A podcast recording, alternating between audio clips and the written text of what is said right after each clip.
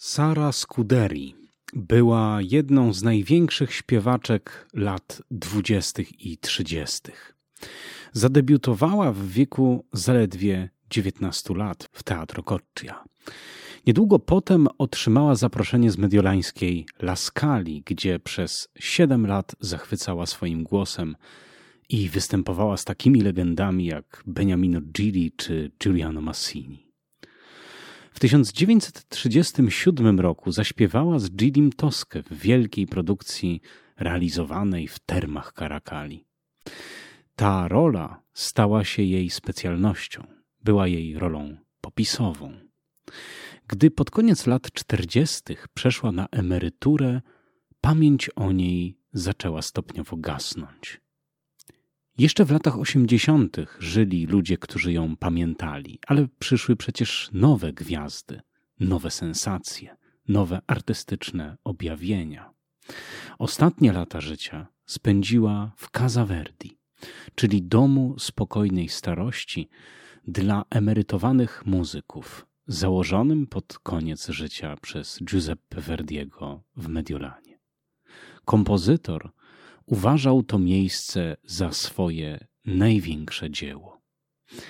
To właśnie tam w 1984 odwiedził Sarę Scuderi Daniel Schmidt, nieżyjący już szwajcarski reżyser, który zapragnął zrealizować film o tym niezwykłym miejscu. Stała się jego przewodniczką, tam gdzie przeszłość nigdy nie umarła, gdzie pamięć nie ulega zatarciu, gdzie dawne role i występy ożywają w wyobraźni pensjonariuszy. Czym jest Casa Verdi? Jak doszło do powstania tego pierwszego w historii domu dla starszych muzyków, dla weteranów sztuki dźwięku? O tym opowiem w 99 odcinku podcastu Szafa Melomana, pierwszego polskiego podcastu o muzyce klasycznej. Przy mikrofonie Mateusz Ciupka zapraszam bardzo serdecznie.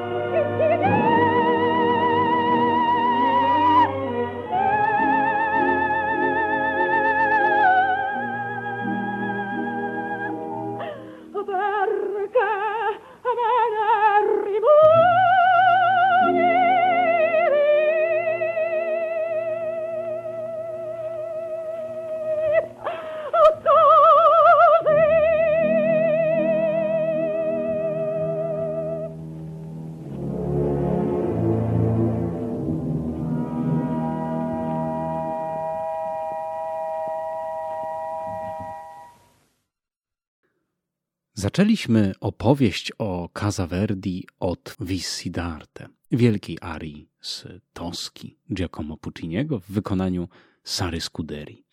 Nagranie pochodzi z roku 1946. Zarejestrowane zostało dla wytwórni His Master's Voice. To jedno z niewielu nagrań tej wielkiej śpiewaczki, które mamy, którym dysponujemy.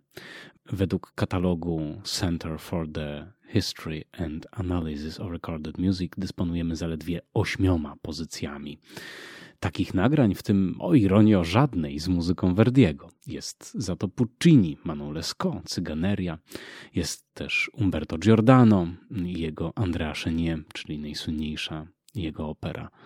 Oczywiście to tylko pojedyncze arie. Dają one jednak wyobrażenie o możliwościach głosu Sary Scuderi, o jej talencie, o niebywałej muzykalności. Do Scuderi i do jej głosu jeszcze w tej audycji wrócę. Przyjrzyjmy się tymczasem historii domu, w którym spędziła ostatnie lata swojego życia. W 1889 roku przypadała 50. rocznica premiery pierwszej opery Giuseppe Verdiego, Oberta hrabiego San Bonifacio. Kompozytor miał 76 lat i żartował, że gdy był młodszy, za opery płacono mu mało, a gdy już wreszcie płaci się dobrze, to przestał pisać.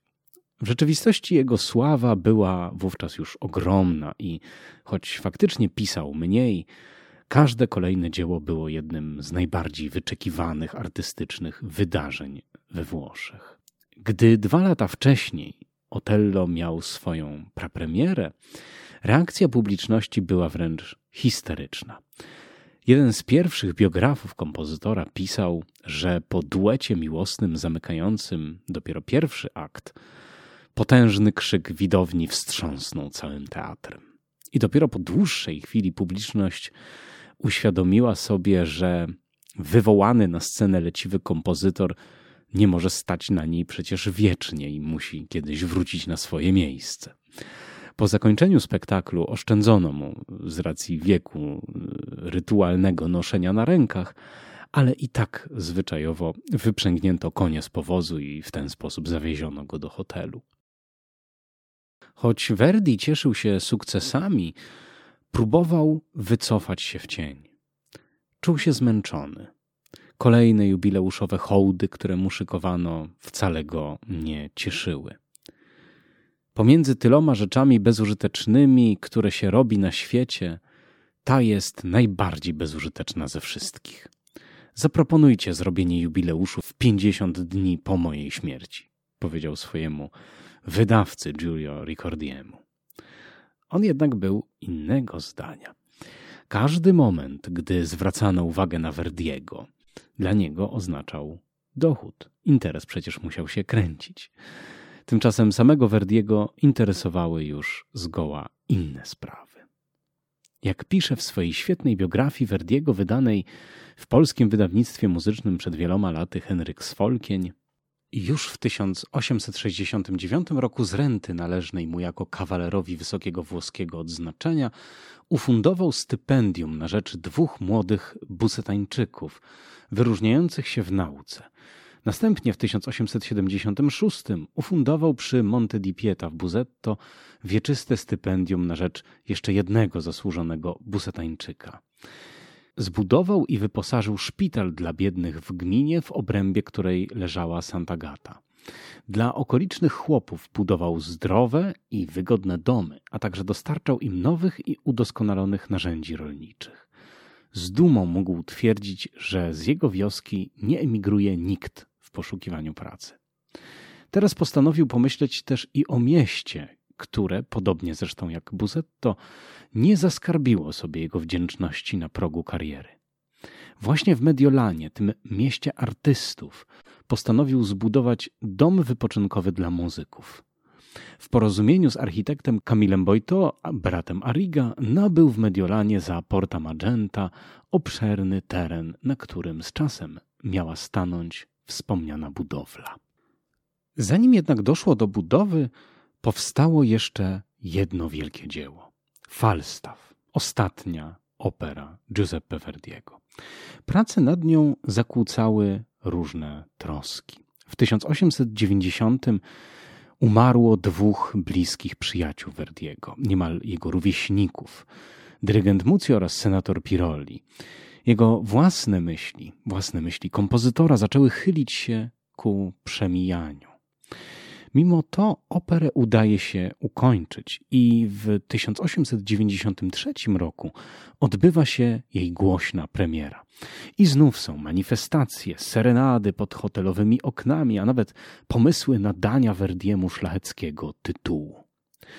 Wkrótce przychodzą kolejne triumfy. Przede wszystkim sukces Otella w Paryżu, a także Falstaffa w Opera Comique.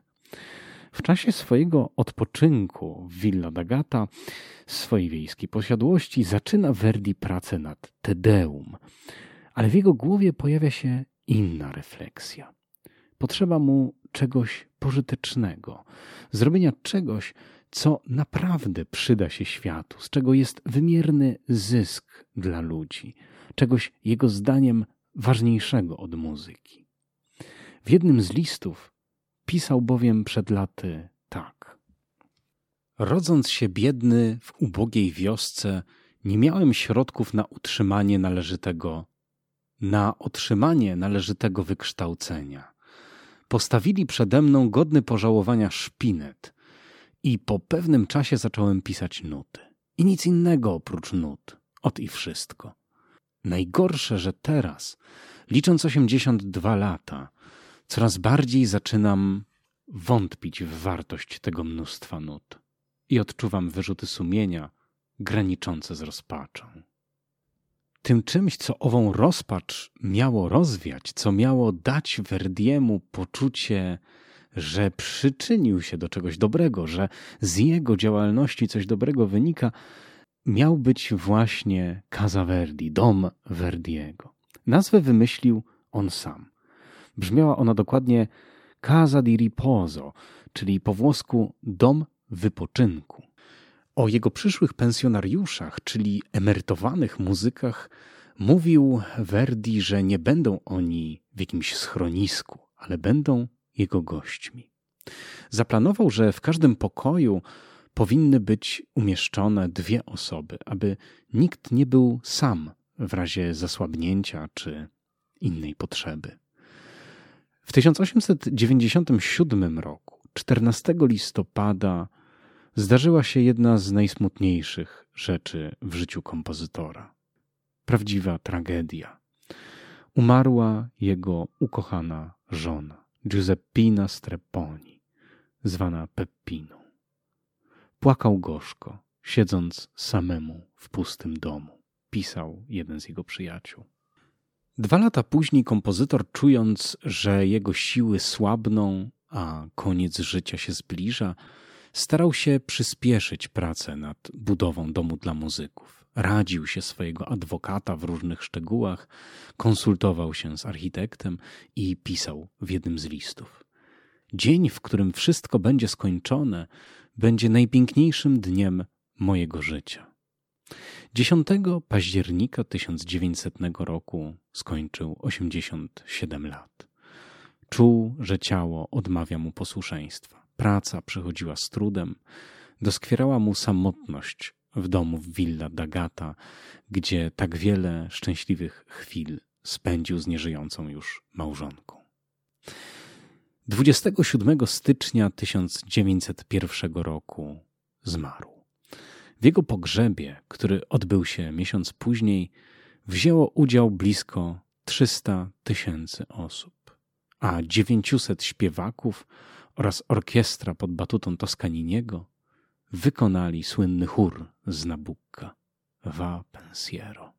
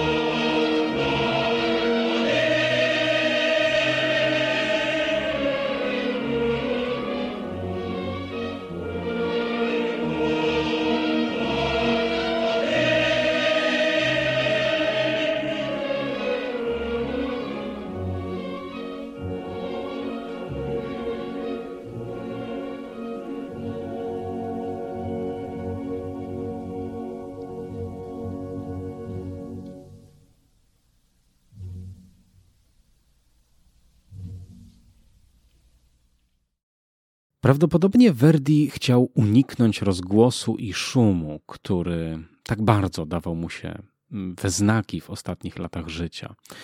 Dlatego, choć budowa i wyposażenie Casa di Riposo były gotowe już początkiem 1900 roku, nie chciał Verdi, aby przed jego śmiercią ktokolwiek się tam wprowadził. Pierwsi goście przybyli więc dopiero w 1902. Verdi nie tylko zadbał o wynoszący około 25 tysięcy lirów rocznie budżet tej placówki, ale także o jej przyszłe finansowanie. Przekazał Ricordiemu, że tantiemy z wystawień jego dzieł, z wydań, generalnie ze wszystkiego, co skomponował, mają wpłynąć właśnie na dom dla muzyków. Inauguracji tej neogotyckiej w stylu budowli urządzonej z wielką dbałością o muzyczne detale, e, tak aby każda, każde miejsce w tym domu wskazywało i przypominało, że ono jest dla muzyków i że muzycy będą się w nim czuli swobodnie i jak u siebie.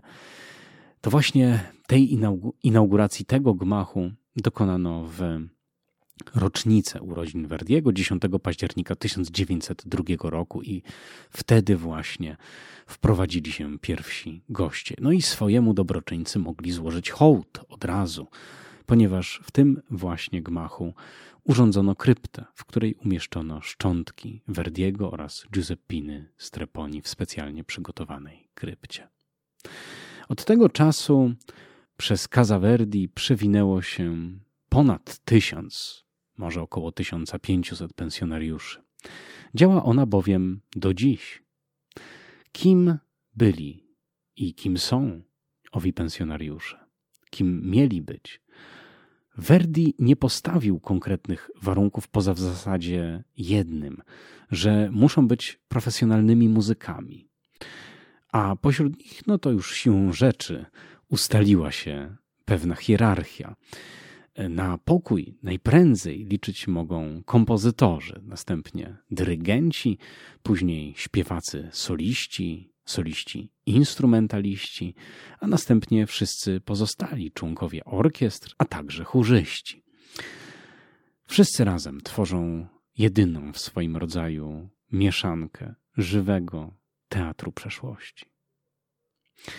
Gdy Daniel Schmidt, szwajcarski reżyser, uczeń m.in. Lilienthala i Fassbindera, ale także reżyser operowy, przybył do Mediolanu, aby nakręcić ponad półtora godzinny film dokumentalny, poczuł, że wkracza do kompletnie mu nieznanego świata, który z tym poza murami nie ma tak naprawdę wiele wspólnego, ponieważ to świat, w którym przeszłość nie stanowi pamiątki, nie jest okazjonalnym miejscem powrotu myśli do czegoś, co kiedyś się wydarzyło, ale jest jak najbardziej żywym doświadczeniem, czymś, co wciąż stale na nowo się przeżywa. W Casaverdi przeszłość utrzymuje pensjonariuszy przy życiu. Nierzadko bardzo długo, szczególnie gdy wziąć pod uwagę, jak wymagającym i obciążającym zawodem trudnili się mieszkańcy tego domu. Film o tytule Pocałunek Toski, Il Bacio di Tosca, e, nawiązujący oczywiście do słynnej sceny e, z końca aktu drugiego tej opery Pucciniego, zrealizowany został w 1984 roku. W jego centrum postawił Schmidt Sarę Scuderi. Z przebywających e, wówczas w Casaverdi osób była ona z pewnością największą gwiazdą tęgi recepcjonista z cygarem Toscanello w zębach, którego widzimy w pierwszej scenie, przyznaje, że nieraz wciąż do e, Sary Scuderi przybywają odwiedzający, którzy proszą o autograf, ponieważ pamiętają jej występy sprzed 40 lat. Choć na korytarzach i w sali koncertowej domu często rozbrzmiewała muzyka, gdy Schmidt poprosił tę wysoką, doskonale ubraną, trzymającą się prosto wytworną damę o to, by coś mu zaśpiewała, ona z zakłopotaniem musiała mu odmówić, ponieważ śpiewania zabronił jej wówczas lekarz. Gdy jednak reżyser podszedł do fortepianu, a jest ich kilkanaście w Casaverdi, łącznie z instrumentem należącym do samego Verdiego, i podegrał jej kilka dźwięków z toski, wszystko jakby się odmieniło. Jak wspominał w nocie programowej dołączonej do tego filmu, coś się w niej odmieniło. Na powrót stała się diwą, primadonną z trzytysięczną widownią przed sobą. Posłuchajmy raz jeszcze Visidarte w wykonaniu Sary Scuderi. 41 lat po tym nagraniu, którym rozpocząłem ten odcinek.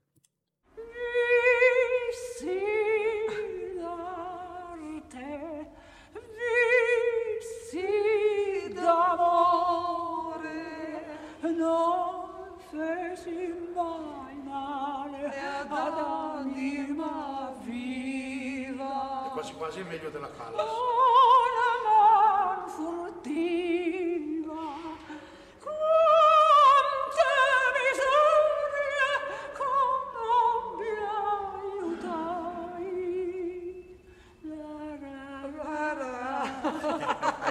anche l'orchestra, anche l'orchestra. Sempre confeso intero la mia preghiera ai santi tabernacoli salì sempre confesi in te.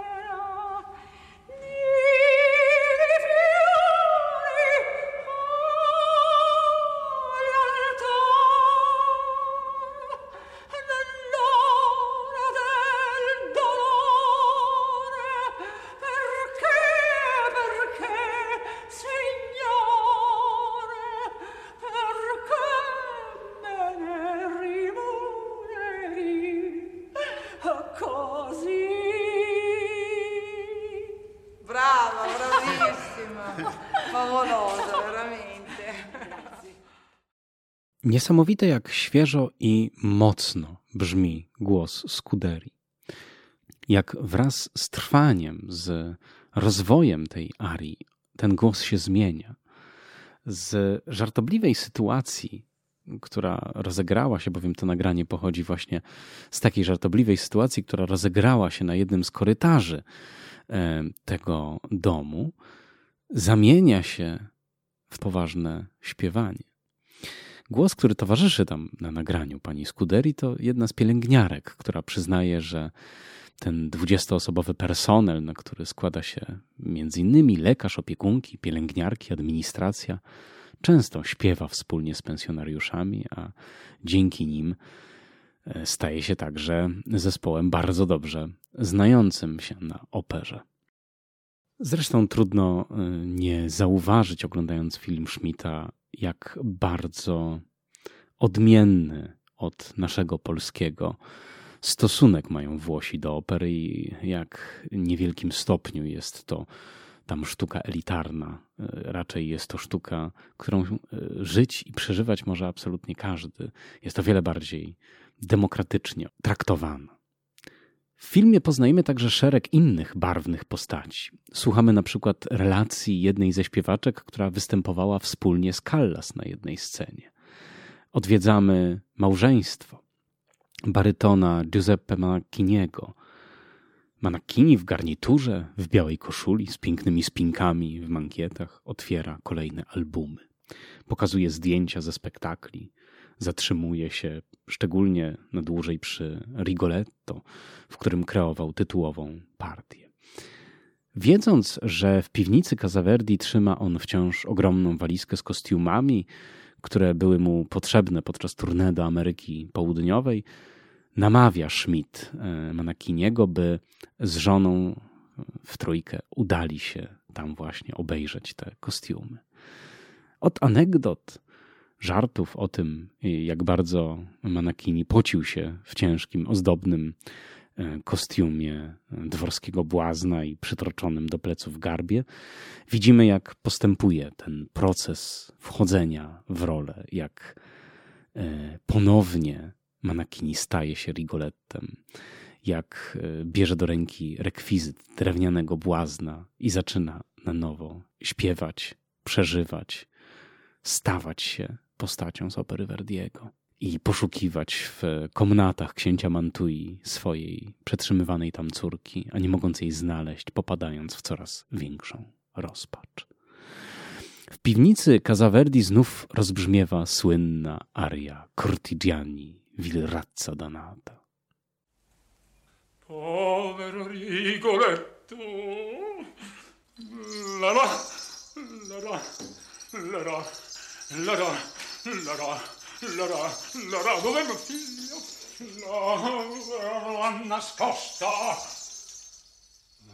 Tutti intero, la la, la la, la la, la la, la la,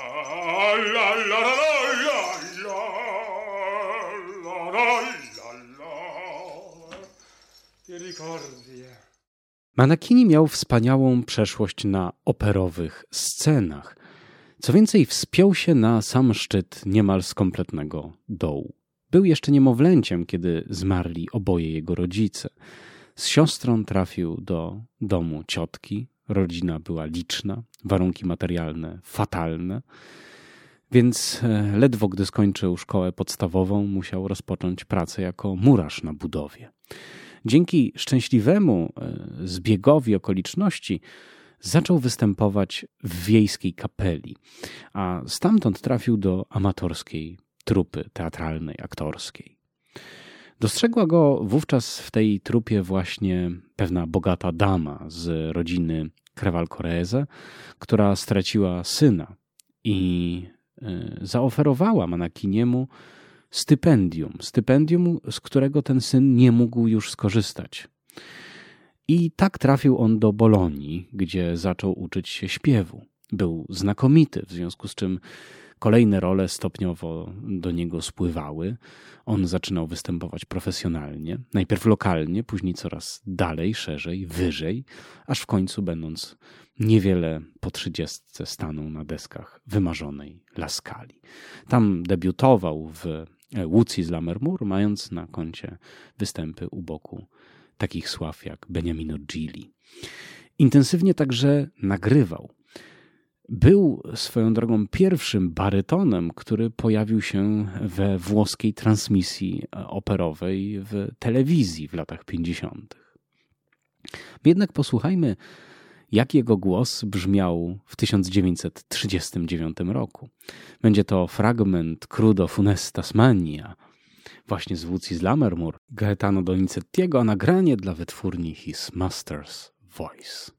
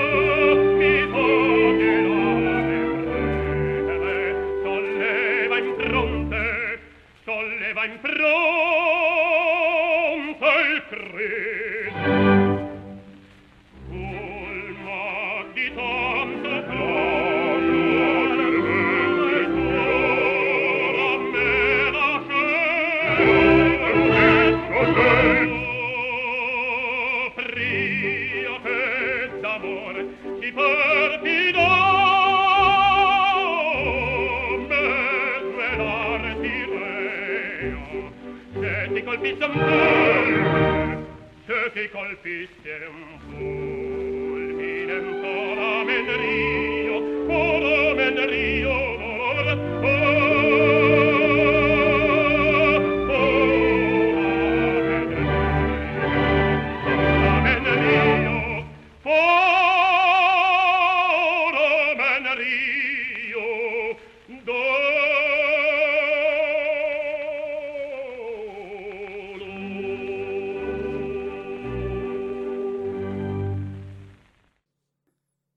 zapytał Manakiniego o to, kiedy jego zdaniem należy zejść ze sceny.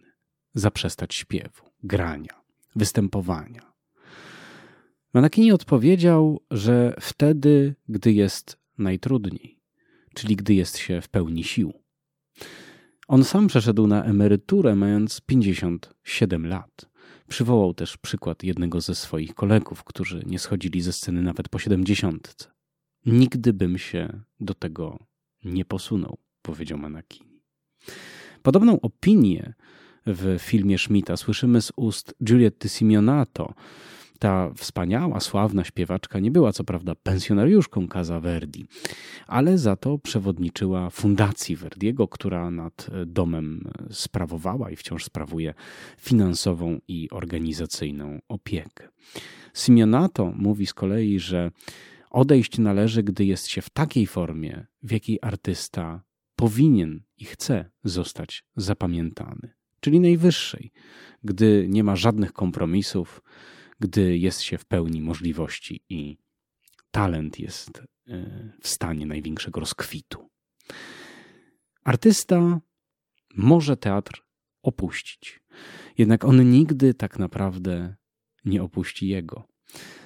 To, co w filmie Schmidta mocno uderza, to fakt, że w mozaice pensjonariuszy, w tej niezwykłej mieszance nie widzimy jakichś wielkich przyjaźni, koleżeństw. Większość mieszkańców żyje mm, w swoich własnych światach.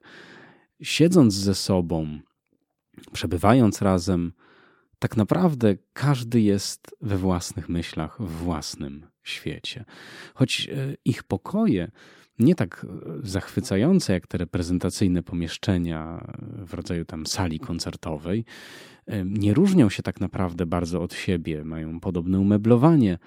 Ludzie takiego formatu i z taką przeszłością nie chcą czuć się tacy sami jak inni.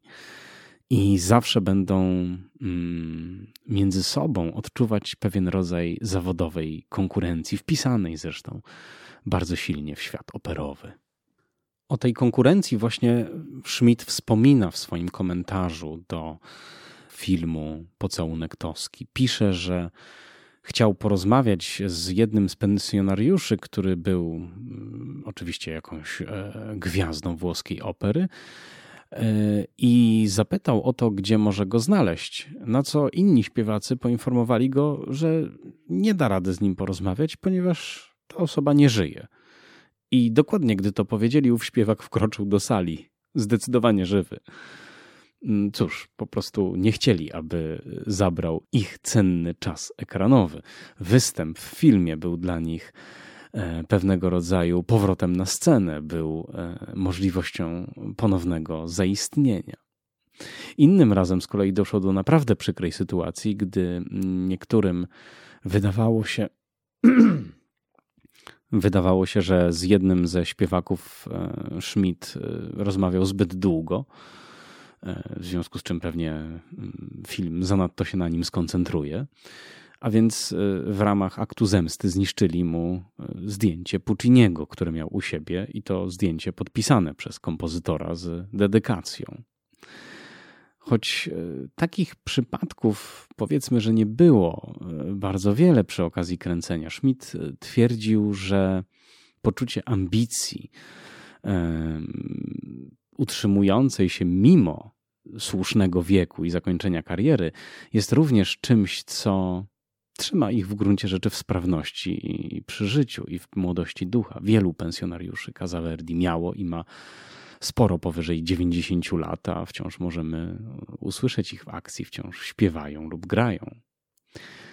Towarzystwo w Casaverdi, które w latach 80. obserwował Schmidt, było E, także najbardziej surowym zespołem operowych i muzycznych krytyków, jakich świat pewnie widział. E, często wszyscy zbierali się w pokoju telewizyjnym, aby obejrzeć transmisję któregoś ze spektakli. I tego się nie dało robić w spokoju. E, już po chwili jeden przez drugiego mm, zaczynał komentować, co dany śpiewak robi źle, jak on lub ona zrobiliby to lepiej. Wszyscy mieli ogromne poczucie własnej wartości, ponieważ zapytani, zapytani kto z nich wybrałby się na wieczór galowy w Laskali posłuchać Marii Callas, zgodnie twierdzili niemal churalnie, że dla niej to nie warto. Tutaj wszyscy żyją przeszłością. Nigdy nie będziesz tu w teraźniejszości, mówi Schmidowi Sara Scuderi. To z nią w roli głównej jest jedna z najpiękniejszych scen tego filmu, która, przyznam szczerze, wycisnęła mi z oczu łzę. To y, spokojna, długa, stateczna sekwencja, gdy do salonu wchodzi Scuderi, ubrana w futro, podpierając się laseczką, zasiada na fotelu i słucha swojego własnego wykonania Visi Darte, tego wykonania, którego słuchaliśmy dzisiaj na początku. Emocje odmalowujące się na jej twarzy są unikatowe. Na początku mówi ona, po trzykroć powtarzając Bella, Bella, Bella, że to piękne śpiewanie, a później coraz bardziej zatapia się w swój własny głos sprzed lat.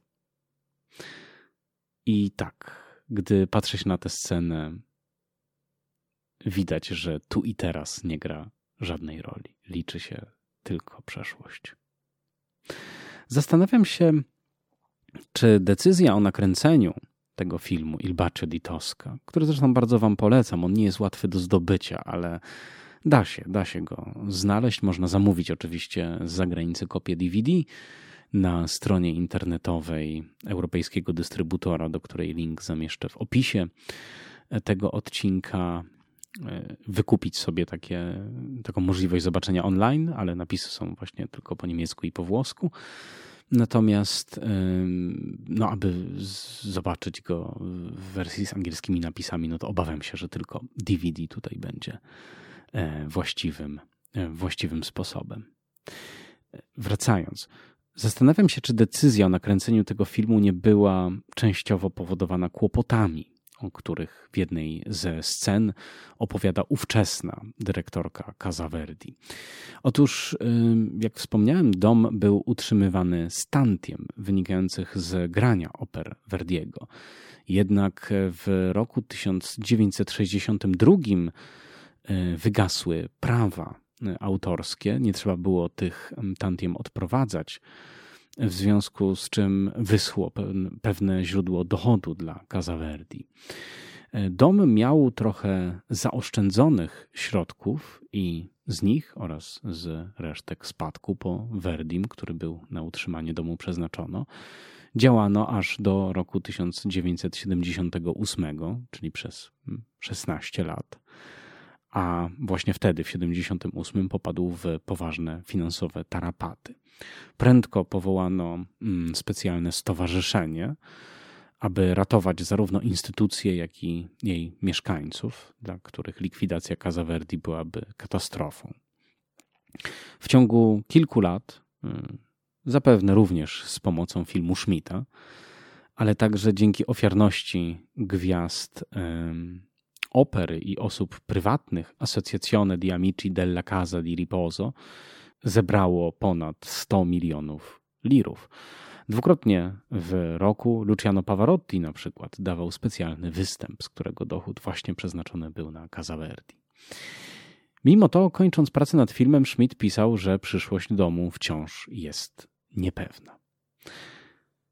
W 2018 roku w materiale zrealizowanym przez Deutsche Welle dowiadujemy się jednak, że udało się e, Casa Verdi zapewnić stabilność finansową w ten sposób, że administratorzy, czyli Fundacja Verdiego, dokonała zakupu e, szeregu mieszkań inwestycyjnych na wynajem i jakichś innych nieruchomości, e, z których czynsz, z których dochód pokrywa pokrywa właśnie potrzeby domu. domu dla muzyków. Ilość pensjonariuszy się nie zmienia. Wciąż mniej więcej na stałe przebywa tam około 65 osób. Oczywiście e, zmienia się skład, e, ale przybyło także około 15-16 zupełnie nowych lokatorów, młodych ludzi, którym za niewielką opłatą wynajmowane są pomieszczenia w Casa Verdi. Mogą tam więc mieszkać najstarsi oraz najmłodsi. Okazało się bowiem, że e, fundacja w 1998 roku wpadła na taki pomysł, chcąc nieco aktywizować osoby starsze, a jednocześnie młodym zapewnić pewien transfer wiedzy i doświadczenia. I to przyniosło bardzo pozytywne skutki, jak się okazuje. Starsi bowiem czuli się dzięki młodym dużo żywsi, wspólnie z nimi występowali. Oczywiście nie muszę dodawać, że owi młodzi to również są muzycy, to są najczęściej studenci e, rozmaitych włoskich, ale nie tylko uczelni muzycznych. Pamiętajmy, że dom przyjmuje gości nie tylko z Włoch, ale także z całego świata. Mm, w związku z czym mogą wspólnie ze starszymi występować, mogą e, grać, śpiewać, e, uczyć się także od nich mm, i to najzupełniej profesjonalnie. W 2008 roku do Casa Verdi po raz kolejny wkroczyła ekipa filmowa. Tym razem dokument zrealizowała dla Eurochannel Anna Franceschini. Tego filmu Niestety nie widziałem. Jest jego krótki fragment na YouTubie, zdradzający, że jest to bardzo interesujący film z takimi bardzo długimi sekwencjami ujęć na rozmaite szczegóły, e, koncentrujący się w dużym stopniu na miejscu, pokazujący dom e, jako też pewnego rodzaju założenie architektoniczne, jako przestrzeń, w której funkcjonują ci starsi ludzie. No ale myślę, że mm, jeśli macie taką ochotę, to uda Wam się być może skontaktować z dystrybutorem, bowiem ten film kiedyś, kiedyś podobno był w Polsce pokazywany. Nie wiem gdzie, czy w kinach studyjnych, czy na jakimś festiwalu jednorazowo, ale y, trafiłem na jakiś zwiastun, który miał polskie napisy w związku z czym myślę, że mm, Eurochannel jest tutaj otwarty na mm, prośbę jakiegoś udostępnienia. Dajcie znać, jeżeli zdobędziecie ten film, sam go chętnie obejrzę. Na film Schmida z 1984 roku, czyli ten wcześniejszy, o którym opowiadałem, trafił z kolei jeden z najbardziej wziętych reżyserów operowych obecnej sceny, czyli Damiano Micheletto i zrealizował na festiwalu w Salzburgu w 2013 roku taką inscenizację Falstaffa, której akcja toczyła się właśnie w Casa Verdi. E, jak widać, dom jest inspirujący także na zewnątrz. Reżyser wybrał się do Mediolanu, wysłuchał licznych anegdot, opowieści mieszkańców i właśnie w tym świecie Casaverdi osadził akcję ostatniej opery Verdiego, przebierając zresztą wykonawców głównych partii za pensjonariuszy, kilkadziesiąt lat ich postarzając. Postarzany był także cały występujący w tej operze chór. W tej inscenizacji brała udział Filharmonia Wiedeńska, którą prowadził nie kto inny, ale również weteran batuty, wciąż aktywny Zubin Meta. Inspiracja filmem Schmidta jest e, wyraźna, ponieważ opera zaczyna się od e, projekcji filmu, w którym mamy ujęcie na dom z perspektywy ulicy i słyszymy, jak e, dźwięki przejeżdżających samochodów, rozmów ulicznych, ten cały uliczny gwar stopniowo przechodzi w dźwięk muzyki, tak jakby mikrofon zatapiał się we wnętrzu domu i jakbyśmy przenosili się właśnie do innego świata, do którego ten nasz e, przyziemny, symbolizowany właśnie przez gwar uliczny, nie ma dostępu, który funkcjonuje niejako obok niego. Filmem Schmidta zajął się także Dustin Hoffman. E, z jego inicjatywy dokonano cyfrowego udoskonalenia obrazu i przygotowano reedycję dokumentu oraz wydano go właśnie na DVD. E, był on także prezentowany na kilku europejskich festiwalach, zatem został przypomniany. Ale w przypadku Hoffmana ten film e, sprawił coś jeszcze większego. Otóż temat domu spokojnej starości dla muzyków, swoistej egzotyki, która w takim domu się może wytworzyć, wydał się Hoffmanowi na tyle pociągający, że ten wielki hollywoodzki aktor poświęcił mu swój reżyserski debiut, czyli film Kwartet. zrealizowany dwa lata wcześniej, w 2012 roku. Kwartet opowiada taką historię, w której do domu spokojnej starości, w którym planowany jest specjalny koncert, aby zebrać fundusze dla utrzymania E, tej placówki, tu już wyczuwamy nawiązania do historii Casaverdi, przybywa pewna wielka diwa. E, w tej roli jest fantastyczna Maggie Smith. E, film jest, szczerze powiedziawszy, trochę średni, ale dla Maggie Smith warto go, warto go obejrzeć. I okazuje się, że jest ona żoną jednego z pensjonariuszy, byłą żoną, co doprowadza do szeregu oczywiście niefortunnych zdarzeń i, i, i splotów okoliczności całość utrzymana jest w tonie ciepłej, rozgrzewającej serce komedii. No i jest to pewnego rodzaju hołd dla niezwykłego miejsca, którym jest Casa Verdi.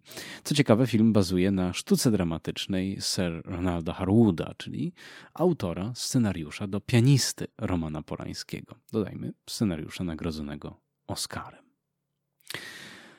Obecnie zaś trwają prace nad kolejnym filmem dokumentalnym o Casa Verdi. Będzie to już trzeci. Ma on nosić tytuł Viva Verdi.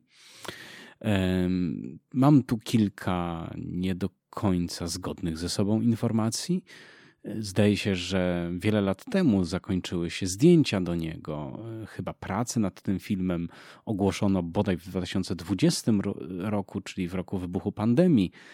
Mm, wiem, że reżyseruje go Amerykanka Yvonne Russo, a według poświęconej temu filmowi strony internetowej prace są obecnie na etapie postprodukcji. Obraz ma podobno w założeniach realizatorów uchwycić niezwykłe opowieści mieszkańców, ale także pokazać ich relacje właśnie z tymi młodymi muzykami z całego świata. To byłoby coś nowego, czego jeszcze nie widzieliśmy.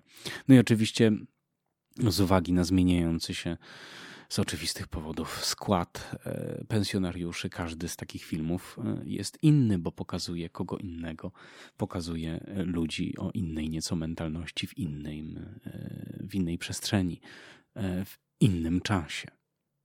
W 2018 roku reporterską wizytę w Casa Verdi złożył New York Times.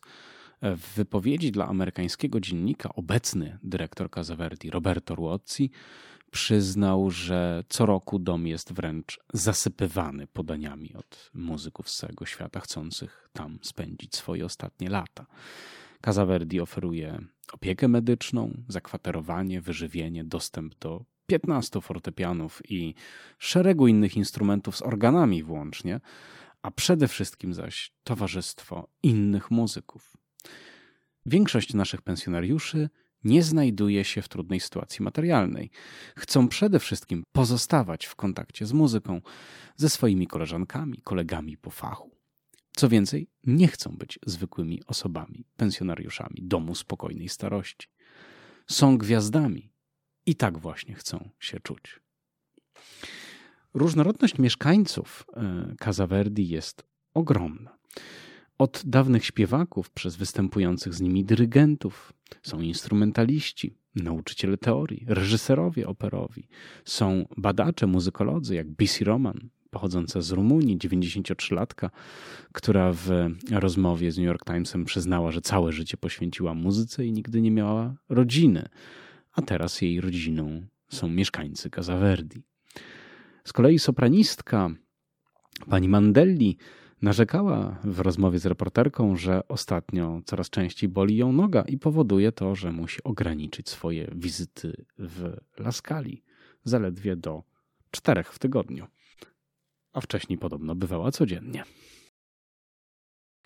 Z interesujących przypadków pensjonariuszy Casa Verdi warto zwrócić uwagę na wciąż żyjącego Raimondo Campisiego. Obecnie 76-letni pianista, urodził się w Egipcie. Jego dziadek, Salvatore, był oboistą w orkiestrze Laskali i brał udział w prawykonaniu Aidy w Egipcie.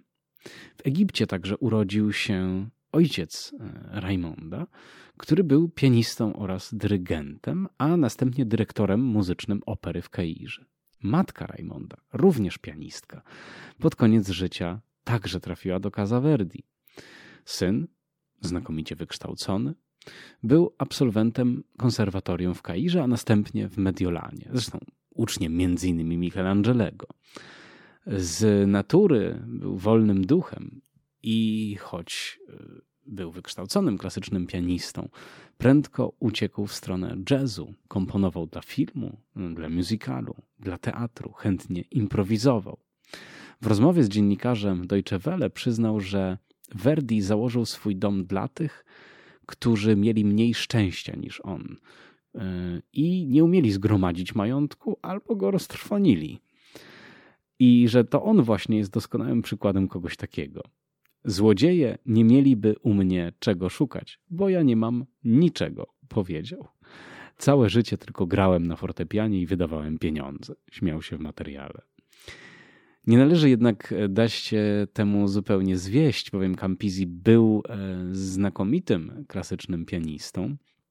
Triumfował w szeregu e, rozmaitych wielkich konkursów i co ciekawe, dotarł także do drugiego etapu dziewiątego konkursu Chopinowskiego w 1975 roku, czyli tego, w którym zwyciężył Christian Zimmermann. Można więc powiedzieć, że Campisi był na pewnym etapie tego turnieju konkurentem Zimmermana.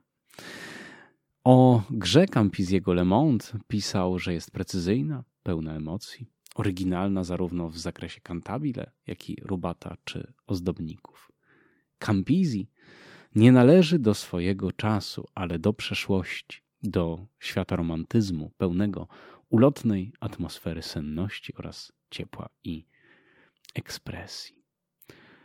E, Campisi dokonał bardzo interesującego nagrania.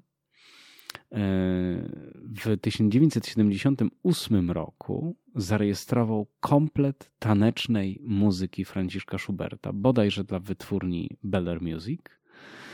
E, były to walce, lendlery, menuety w ogromnych ilościach. Schubert zostawił sporo takiej e, muzyki i jest tego bardzo, bardzo dużo. Wiele z tych mm, nagranych utworów możemy posłuchać e, wciąż e, online. Możemy posłuchać online. Ja znalazłem je na Apple Music, może wy znajdziecie jeszcze gdzie indziej.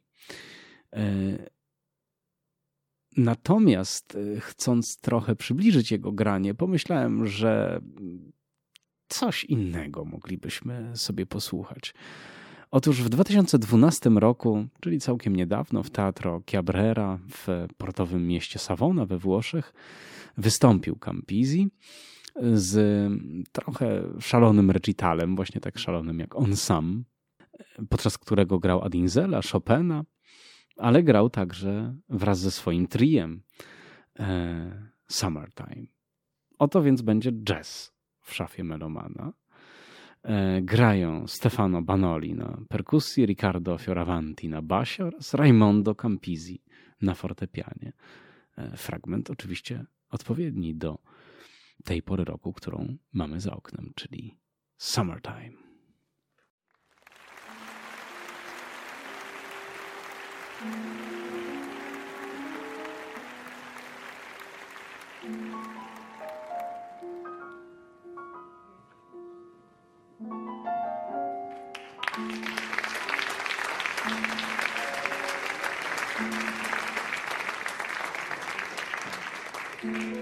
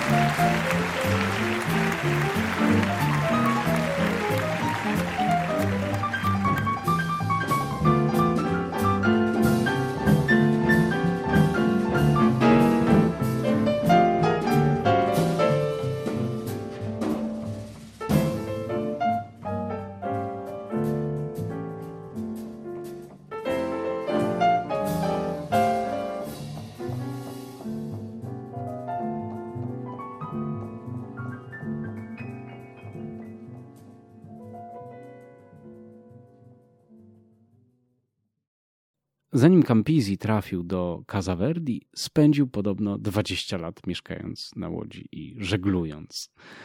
E, nie miał stałego adresu. W rozmowie, którą przeprowadził z nim jeden z pracowników e, Casa Verdi na stronie e, domu można takie rozmowy znaleźć. Campisi przyznał, że poza muzyką najbardziej kocha morze, żagle oraz wiatr.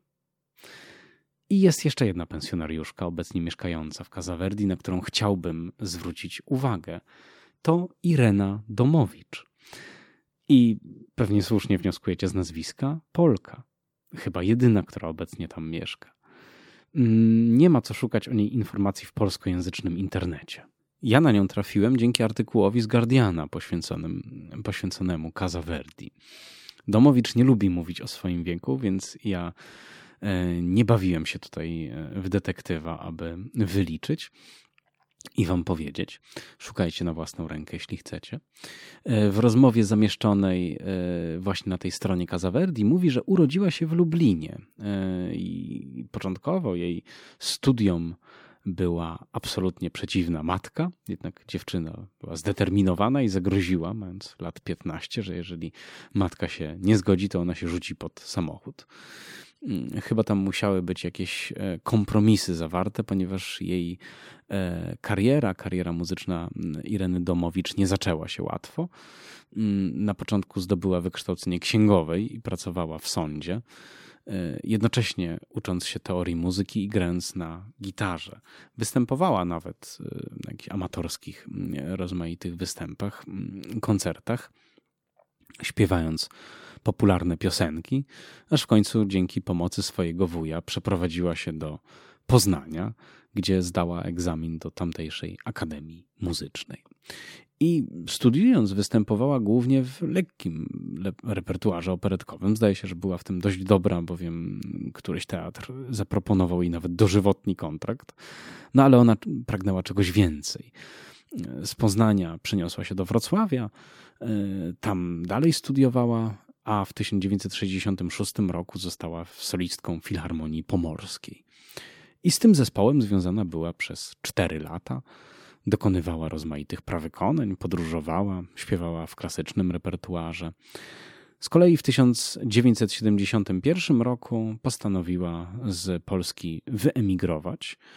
Mm, nie było to łatwe, ale udało się, ponieważ jej matka wyszła za mąż powtórnie, wcześniej owdowiała, później powtórnie wyszła za mąż, za Włocha a więc był haczyk, można było się e, zaczepić o tę okoliczność i wyjechać. Tam, jak wspominała, wszystko trzeba było zacząć od początku, ale znów się udało. Występowała także we Włoszech, poznała tam swojego męża, Luigiego Soviero. Założyła szkołę gry na fortepianie, teorii śpiewu i kultury muzycznej, na początek w Neapolu, gdzie z mężem zamieszkali. Stamtąd przeprowadzili się do Mediolanu, a Domowicz y, wciąż poświęcała się nauczaniu i kształciła profesjonalnie młodych muzyków aż do 2006 roku. Kilka lat później wspólnie z mężem otrzymali miejsce właśnie w Casa Verdi i mieszkańcami tego domu zostali w styczniu 2013 roku. W tym miejscu jest więcej teatru niż w świecie na zewnątrz, żartowała Irena Domowicz w rozmowie z Guardianem. Jak pisze brytyjska gazeta, śpiewaczkę zastali w Casa Verdi, gdy ta kłóciła się z innym pensjonariuszem o to, kto z nich lepiej wykonuje O Sole Mio. Twórcy filmu Viva Verdi, o którym mówiłem, zapowiadają, że właśnie w tym dokumencie, w tym najnowszym dokumencie, który ma się ukazać, będzie z nią rozmowa. W związku z czym z tym większą niecierpliwością czekamy na gotowy materiał. Na sam koniec chciałbym jeszcze podzielić się z Wami czymś osobistym. Nie byłem w Casaverdi, choć miejsce to można odwiedzić po wcześniejszym umówieniu się. Mm, I waham się trochę, ponieważ chciałbym wpisać to miejsce na listę mm, rozmaitych mm, miejsc, które chciałbym zobaczyć, ale I chyba to zrobię koniec końców, ale robię to z pewnym niepokojem, gdyż e, nie do końca uważam, aby turysta był kimś potrzebnym w takim miejscu, aby mm, powinien to miejsce odwiedzać. Myślę, że jeżeli tam pojadę, postaram się być turystą w jak najmniejszym stopniu. Być może postaram się wybrać kogoś, komu mógłbym złożyć wizytę, z kim mógłbym porozmawiać, komu mógłbym dać coś osobistego i pojawić się tam w takim charakterze, a nie w charakterze e, ciekawskiego turysty. Mam jednak w życiu doświadczenie miejsca trochę podobnego. Otóż pod sam koniec liceum pracowałem przez kilka tygodni jako wolontariusz w Cieszyńskim Domu Pomocy Społecznej Pogodna Jesień. Trafiłem tam dzięki mm, działającej wówczas, nie wiem czy dziś wciąż działa, Fundacji Być Razem. E, mieliśmy e, za zadanie z niewielkim zespołem zrealizować jakiś projekt aktywizujący seniorów e, poprzez sztukę. I jakież było moje zdumienie, gdy na korytarzu spotkałem pewnego niskiego, starszego pana z długą brodą, którego wcześniej regularnie widywałem na wszystkich niemal cieszyńskich koncertach muzyki klasycznej. Od tych organowych przez muzykę dawną, e, po wydarzenia operowego festiwalu Viva il Canto, a nawet e, widywałem go na jakichś harfowych popołudniach w kawiarni muzealnej. Zawsze mnie ten człowiek e, fascynował, interesował. Mm, schludnie ubrany, spokojnie zasłuchany w muzykę, taki stały, samotny bywalec wszystkich koncertów, nieco się rzuca w oczy. I będąc już na miejscu, tam działając w tym e, domu, dowiedziałem się, że tym człowiekiem jest pan Józef, tak o nim powiedziano, pan Józef, e, muzyk amator, który przez całe życie zarabiał jako tokarz w kopalni, gdzie przepracował 34 lata, naprawiał maszyny i samochody, ale po godzinach oddawał się temu, co kochał najbardziej, czyli muzyce. Był pianistą i akordeonistą. Grał, e, no owszem, głównie na jakichś weselach, ale sądząc po wyborach koncertowych i repertuarowych, mm, bardziej kochał inną muzykę. E, pochodził on zresztą z Limanowej, nie z Cieszyna, ale tam właśnie w miejscu, z którego pochodził, zdaje się, nie było miejsc e, wolnych w tamtejszym DPS-ie, w związku z czym właśnie złożył dokumenty do Cieszyna i tam się e, przeprowadził.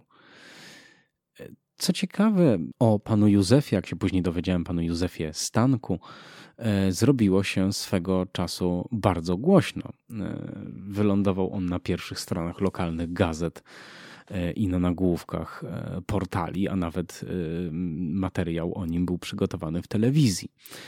Otóż dlaczego do tego doszło? Otóż w DPS-ie zaczął on opiekować się kontuzjowaną po wypadku inną pensjonariuszką e, tego domu, Ewą Błażek, pochodzącą z Dzięgielowa.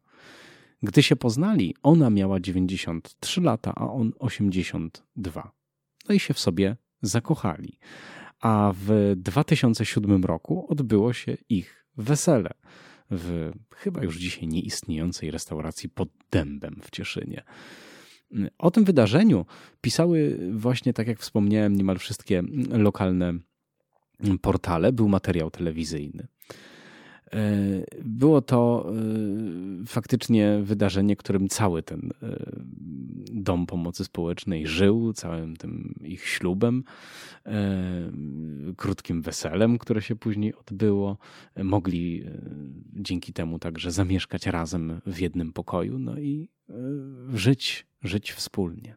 Pana Józefa pamiętam najlepiej z takiego obrazka, że e, przechodziłem korytarzem mm, i usłyszałem, że w przestronnej, bardzo e, wygodnej e, jadalni tego austro-węgierskiego gmachu, w którym mieści się pogodna jesień, mm, służącej zresztą jako świetlica, także jako taka sala zebrań i rozmaitych występów, usłyszałem właśnie stamtąd dochodzące mnie dźwięki pianina przy tym pianinie właśnie siedział pan Józef i coś sobie tam e, próbował e, podgrywać.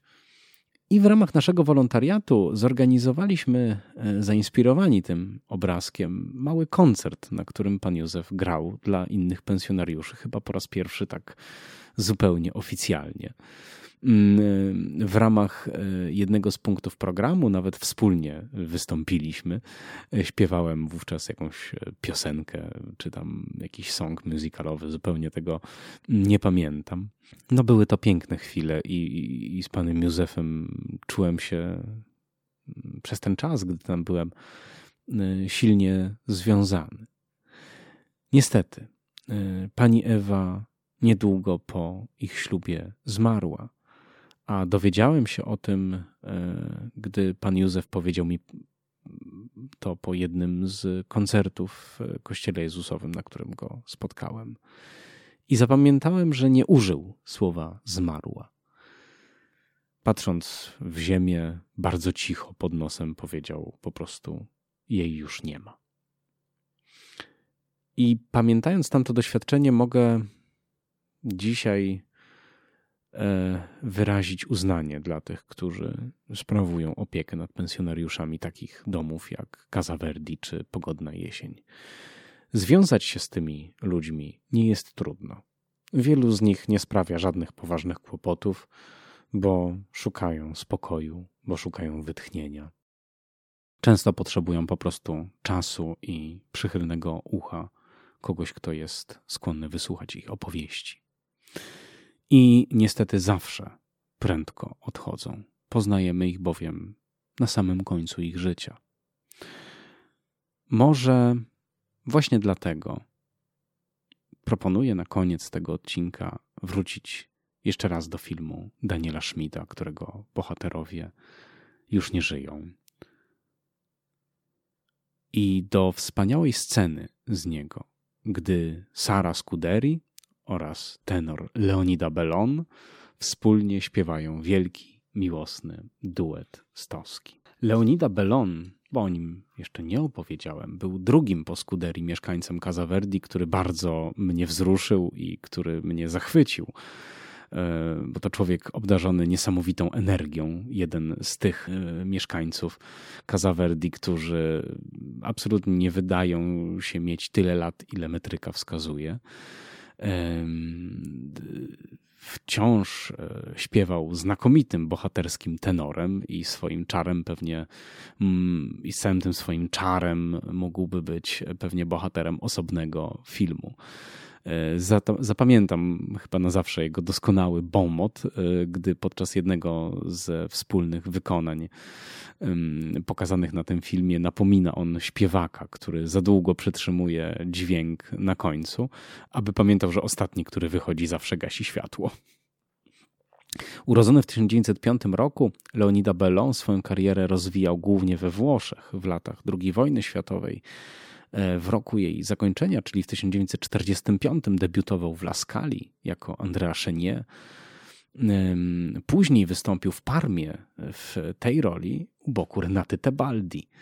E, była to też jego ostatnia rola, z którą wystąpił w latach 50. w Teatro Municipale w Reggio Emilia. Później uczył po zakończeniu kariery solowej, a gdy ostatecznie przeszedł na emeryturę, właśnie trafił do Casa Verdi. I na tym nagraniu które za moment usłyszymy, które pochodzi właśnie z filmu Schmida Baccio di Tosca, ma 79 lat. Zatem duet miłosny Toski i Cavaradossiego z finału aktu pierwszego. Toski, rok 1984, Sara Scuderi oraz Leonida Bellon. Ja się żegnam i mówię Wam do usłyszenia za tydzień tradycyjnie w piątek w kolejnym odcinku podcastu Szafa Melomana.